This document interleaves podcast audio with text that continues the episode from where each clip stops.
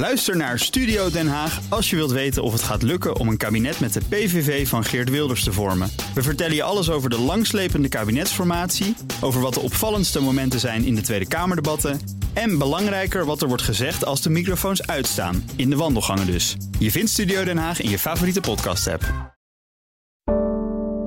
Een goedemorgen van het FD. Ik ben Hella Huuk en het is maandag 19 september.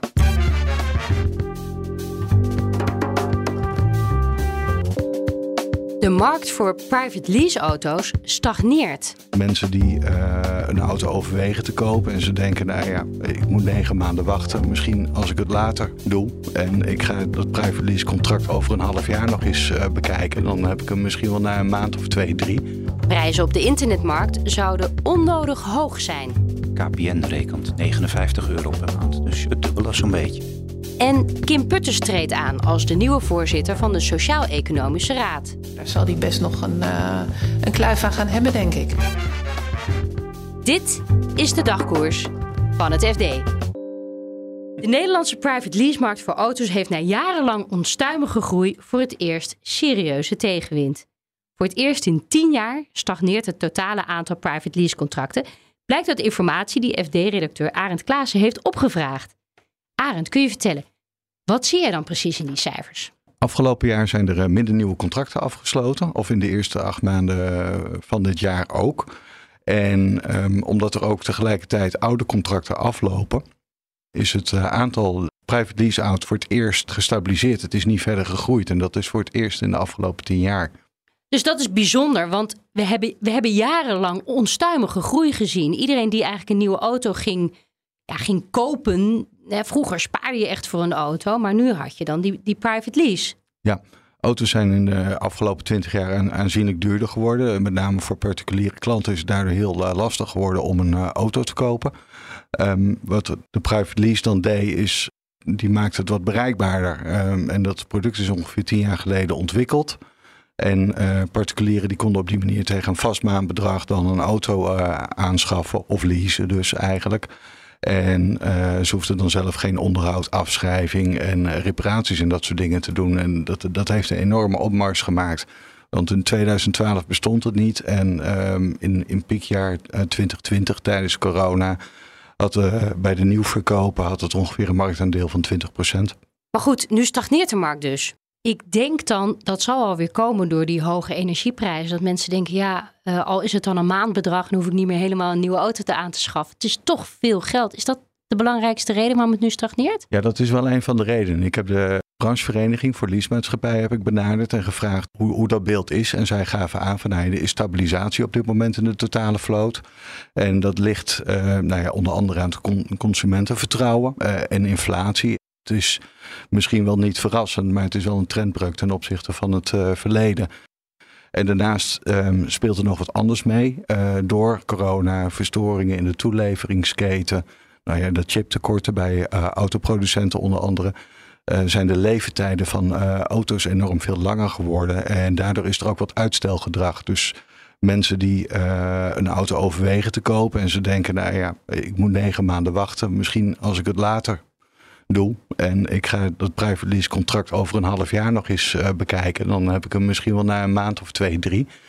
En uh, er is dus wat uitstelgedrag ook. Dus het, het zijn twee factoren eigenlijk op dit moment. Of wel misschien een indicator dat we richting die recessie gaan. Nou ja, zeg maar dat consumentenvertrouwen en, en uh, het mogelijke afzien van, uh, van zo'n contract. Dat, ja, dat zou een vroege indicator kunnen zijn dat, uh, dat consumenten terughoudender zijn. Het gaat natuurlijk wel om een grote verplichting. Het gaat om honderden euro's per maand voor een langere tijd.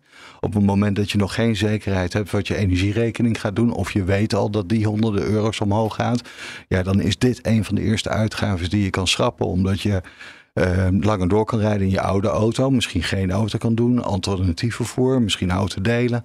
Waardoor je die, kosten in ieder geval kan drukken. In plaats van dat je er zo uh, voor de komende jaren weer een paar honderd euro aan uitgaven bij opplust. Heb je nog dealers gesproken? Zijn die in mineur? Ik heb uh, nee, geen dealers gesproken. Wel Almacon, dat is marktanalist van de automotive sector. Um, in principe draaien de retailbedrijven goed, uh, dealers draaien goed, uh, leasemaatschappijen draaien ook goed. Dat is een beetje een paradox. Ja, dat klinkt raar. Ja, Maar door, door zeg maar de tekorten van de afgelopen jaren, er wordt, wat nog steeds wel goed wordt verkocht, zijn de dure premium auto's. Daar zit ook de meeste marge op. Dus er wordt minder verkocht, uh, maar de verkoopprijzen zijn goed. De prijzen zijn gestegen. In het kielzog zijn de prijzen van tweedehands auto's gestegen. Dus we verkopen minder, maar ze verdienen beter. De internetmarkt functioneert onvoldoende, zeggen critici. Daardoor komen de prijzen voor gebruikers steeds hoger te liggen. Redacteur Telecom Jeroen Piersma legt uit hoe de markt in elkaar zit. Die markt die bestaat uit uh, een deel vaste netwerken van twee grote partijen, KPN en Ziggo. En een ander deel waar gewoon het internetabonnement wordt verkocht. En die twee die houden verband met elkaar. KPN en Ziggo zijn allebei ook aanbieders van internetabonnementen. En KPN die moet andere partijen ook op zijn netwerk toelaten. En die kunnen dan vervolgens via dat, netwerk ook internetabonnementen aanbieden. Alleen de prijs die KPN, het toegangskaartje wat KPN rekent voor toegang tot zijn net, uh, ja, dat is natuurlijk heel bepalend voor de prijs die die andere partijen kunnen, kunnen geven aan hun klanten. En dat prijskaartje, dat is hoog voor die toegang. En er zijn bepaalde voorwaarden aan verbonden, waardoor andere partijen het lastig vinden om te concurreren. Um, en ja, dat heeft als gevolg dat uh, in Nederland uh, de internetprijzen uh, hoger liggen dan nodig zou zijn. Het woord wat ik dan altijd hoor als het gaat over die, die internet-telecommarkt, het is een duopolie. Maar hoe groot zijn die twee dan samen, KPN en Ziggo? Die twee hebben volgens een rapport van de ACM 85% van de internetmarkt in Nederland. Dus ja, dat is een zwaar dominante positie. En kan je dan ook zeggen dat onze abonnementen hier in Nederland duurder zijn dan bijvoorbeeld, nou, ik noem een land, Italië? Ja, er is vorig jaar een Consumentenbond onderzoek naar buiten gekomen waaruit bleek dat uh, internetabonnementen in Nederland duurder zijn dan in alle andere landen in Europa. Uh, daar valt wel weer wat op af te dingen hoor, op dat onderzoek. Maar um, ook de ACM heeft weer op basis van andere onderzoeken vastgesteld dat we uh, relatief duur zijn. een abonnement van Telecom Italië uh, een, een 1 gigabit abonnement, dus zeg maar de hoogste snelheid die je op dit moment kan krijgen, kost 29,90 per maand. Terwijl uh, ehm, KPN rekent 59 euro per maand. Dus het dubbele zo'n beetje. Dus KPN en Ziggo, die vinden zelf natuurlijk helemaal niet dat er een duopolie is. Hè. Zij zijn ook gesteund door een uitspraak van de rechter uit maart 2020, dus al twee jaar geleden. Ja. Kan de ACM hier niets aan doen? Nou, dat valt dus niet mee. Um, kijk, die, die uitspraak van die rechter van twee jaar geleden, dat was een vrij pijnlijke nederlaag voor de ACM. Um, ehm, en de ACM leidt niet graag verlies bij de rechter. Uh, dus die zijn wel een beetje bang om opnieuw in die situatie terecht te komen. Um, ze zijn de afgelopen twee jaar wel weer bezig geweest om te kijken of ze KPN toch niet harder aan konden pakken. Uh, KPN is dat eerder dit jaar voor geweest door zelf een aanbod te doen om de prijzen uh, voor de toegang tot hun net te verlagen. En dat heeft de ACM geaccepteerd. En daar zijn andere partijen zijn daar niet blij mee. Want die hebben toch het idee van oké, het zijn wel prijsconcessies, maar niet voldoende om de concurrentie echt aan de gang te krijgen. Maar jij hebt Taco Jelgersma gesproken, van een kleinere aanbieder. Ja. En die, gaat, die wil je tegen gaan vechten. Ja, ja, Taco Jelgesma is nog geen aanbieder, maar probeert dat al heel lang te worden. En die probeert dus niet op het net van KPN te komen, maar die probeert uh, de kabel, uh, een plek te krijgen op de kabel. Met een internetaanbieding en een televisieaanbieding. En hij probeert dat nu, uh, op dit moment, hè, zijn zoveelste poging, hier in Amsterdam. En de ACM kijkt daarnaar. En de ACM die moet voor het einde van het jaar daar een besluit over nemen. Nou, als, dat, als de ACM dat dat zeg maar toe zou staan, dan zit er toch een gaatje in het duopolie van uh, eh, KPN en uh, Vodafone Ziggo. En jij schrijft hier al heel lang over. Dus hoe schat jij dat in? Denk je dat dan inderdaad Amsterdam dadelijk verlost is van het juk van dat duopolie van KPN en Ziggo? Um, ja, dat is heel moeilijk te zeggen, want um, twee jaar geleden, vlak voor die uitspraak van die rechter waar we het net over hadden, was Taco Jelgesma ook vol goede moed dat het nu eindelijk zou lukken. Uh, en toen kwam de uitspraak en toen bleek dus gewoon dat dat helemaal van tafel geveegd was. Tot zijn verrassing en de verrassing van een heleboel andere uh, partijen in Nederland. Dus ja, deze keer uh, is hij ook weer vol goede hoop. Maar uh, het zou zomaar kunnen zijn dat de ACM het niet aandurft.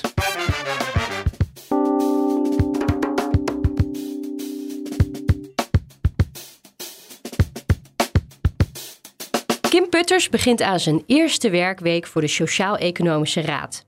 De voormalige voorzitter van het Sociaal Cultureel Planbureau moet de polder weer op één lijn krijgen. Politiek verslaggever Martine Wolzak interviewde Kim Putters over zijn nieuwe functie. Martine, Kim Putters is tweemaal uitgeroepen tot de meest invloedrijke Nederlander. Is hij dat dadelijk nog steeds? Hij was dat hè, in zijn rol bij het Sociaal Cultureel Planbureau. En ik denk eigenlijk dat hij dat niet eens zozeer aan zijn functie te danken had, als wel aan zijn persoonlijkheid en hoe hij met mensen in gesprek weet te komen. En uh, op allerlei plekken in het land, in het bedrijfsleven en in de politiek. En dan is de Sociaal-Economische Raad, dat, dan ben je wel weer spinnen in het web in de polder in Nederland. De, de Sociaal-Economische Raad is een belangrijk adviesorgaan voor de regering. Ze geven gevraagd en ongevraagd advies, met name over de arbeidsmarkt. Maar ze zijn ook zich steeds verder aan het verbreden. En doen dat namens werkgeversorganisaties, dus VNO-NCW, MKB Nederland en de vakbonden, uh, dus eh, CNV, FNV, die zitten er allemaal aan tafel. En daarnaast, wat de SER ook nog wel bijzonder maakt, is dat ook allerlei wetenschappers en bijvoorbeeld toezichthouders, dat heet dan de kroonleden, denk aan bijvoorbeeld de Nederlandse Bank, die denken ook mee en die zitten ook aan tafel. En als die groep gezamenlijk een standpunt inneemt, ja, dan legt dat wel heel veel gewicht in de, in de, in de schaal. Hij neemt het stokje over van Mariette Hamer. Wat voor type voorzitter gaat hij zijn, denk je? Nou, um, in het gesprek wat vond ik heel opvallend dat hij uh, uh, woorden als uh, draagvlak, consensus, dialoog, verbinding, dat, dat hij die ontzettend veel naar voren brengt. En hij, hij zei letterlijk: Ik geloof heilig in het consensusmodel. We moeten de boel een beetje bij elkaar houden en met elkaar in gesprek blijven. Juist in deze tijd waarin iedereen ruzie met elkaar lijkt te hebben de hele dag. Over, over stikstof, over koopkracht, over energie, over klimaat. En zo van ja, de rol van de SER en ook zijn rol binnen de SER ziet hij dus juist te proberen ja, de boel weer een beetje bij elkaar te houden. Wat voor toestand treft Putters daar aan bij de SER? De SER zelf uh, is een uh, keurige organisatie waar iedereen altijd met elkaar uh, in gesprek zegt te blijven.